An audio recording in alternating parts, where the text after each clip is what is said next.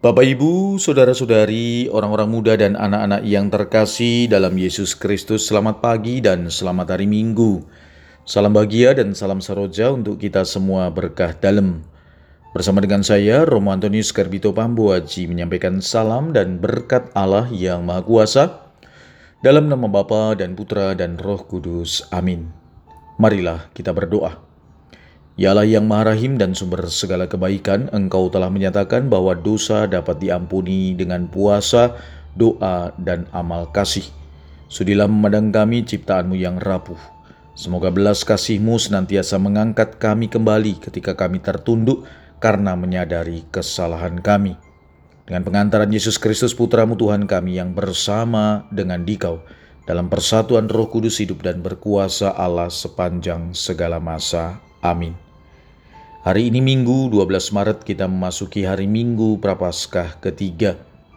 Bacaan pertama dalam liturgi hari ini diambil dari kitab Keluaran bab 17 ayat 3 sampai dengan 7. Bacaan kedua diambil dari surat Rasul Paulus kepada jemaat di Roma bab 5 ayat 1 sampai dengan 2 dilanjutkan 5 sampai dengan 8. Dan bacaan Injil diambil dari Injil Yohanes bab 4 ayat 5 sampai dengan 42. Marilah saudara-saudari kita mendengarkan Injil suci menurut Yohanes. Sekali peristiwa sampailah Yesus ke sebuah kota di Samaria yang bernama Sikar, dekat tanah yang diberikan Yakub dahulu kepada anaknya Yusuf. Di situ terdapat sumur Yakub. Yesus sangat letih oleh perjalanan karena itu ia duduk di pinggir sumur itu. Hari kira-kira pukul 12. Maka datanglah seorang perempuan Samaria hendak menimba air. Kata Yesus kepadanya, berilah aku minum. Sebab murid-muridnya telah pergi ke kota membeli makanan. Maka kata perempuan Samaria itu kepadanya, Masakan engkau seorang Yahudi minta minum kepadaku seorang Samaria? Sebab orang Yahudi tidak bergaul dengan orang Samaria. Jawab Yesus kepadanya, Jikalau engkau tahu tentang karunia Allah dan siapakah dia yang berkata kepadamu, berilah aku minum. Niscaya engkau telah meminta kepadanya dan ia telah memberikan kepadamu air hidup. Kata perempuan itu kepadanya, Tuhan, engkau tidak punya timba dan sumur ini amat dalam. Dari manakah engkau memperoleh air hidup itu? Adakah engkau lebih besar daripada bapa kami Yakub yang memberikan sumur ini kepada kami dan yang telah minum sendiri dari dalamnya ia serta anak-anaknya dan ternaknya? Jawab Yesus kepadanya, Barang siapa minum air ini, ia akan haus lagi. Tetapi barang siapa minum air yang akan kuberikan kepadanya, ia tidak akan haus untuk selama-lamanya. Sebaliknya, air yang akan kuberikan kepadanya akan menjadi mata air di dalam dirinya yang terus-menerus memancar sampai kepada hidup yang kekal. Kata perempuan itu kepadanya, Tuhan, berikanlah aku air itu, supaya aku tidak haus dan tidak usah datang lagi ke sini untuk menimba air. Kata Yesus kepadanya, pergilah, panggillah suamimu dan datang ke sini. Kata perempuan itu, aku tidak mempunyai suami.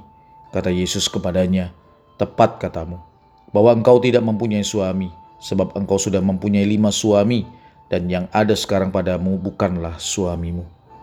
Dalam hal ini engkau berkata benar." Kata perempuan itu kepadanya, "Tuhan, nyata sekarang padaku bahwa engkau seorang nabi.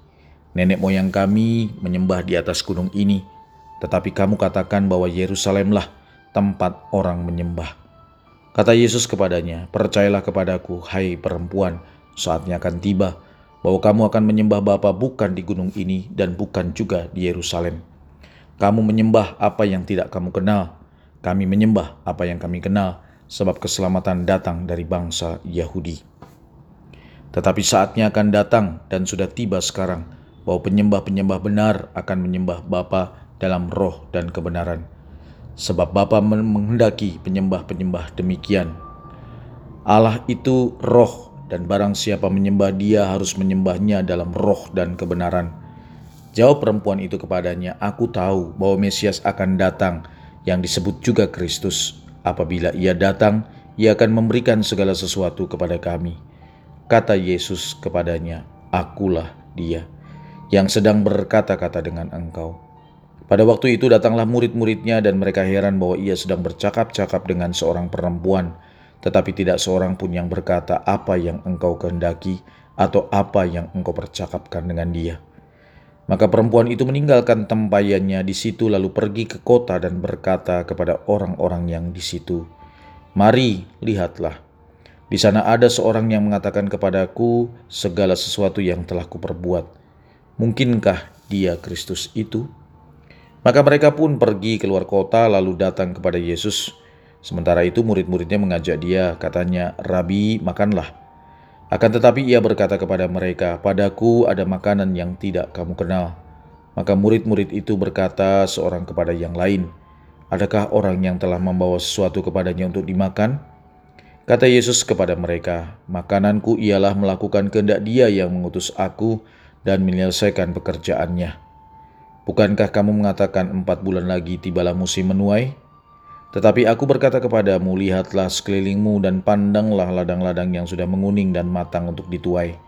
Sekarang juga penuai telah menerima upahnya dan ia mengumpulkan buah untuk hidup yang kekal, sehingga penabur dan penuai sama-sama bersuka cita.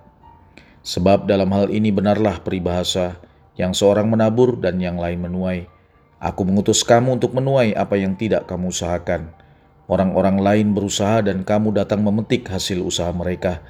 dan banyak orang Samaria dari kota itu telah menjadi percaya kepadanya karena perkataan perempuan itu yang bersaksi. Ia mengatakan kepadaku segala sesuatu yang telah kuperbuat. Ketika orang-orang Samaria itu sampai kepada Yesus, mereka meminta kepadanya supaya ia tinggal pada mereka, dan ia pun tinggal di situ dua hari lamanya.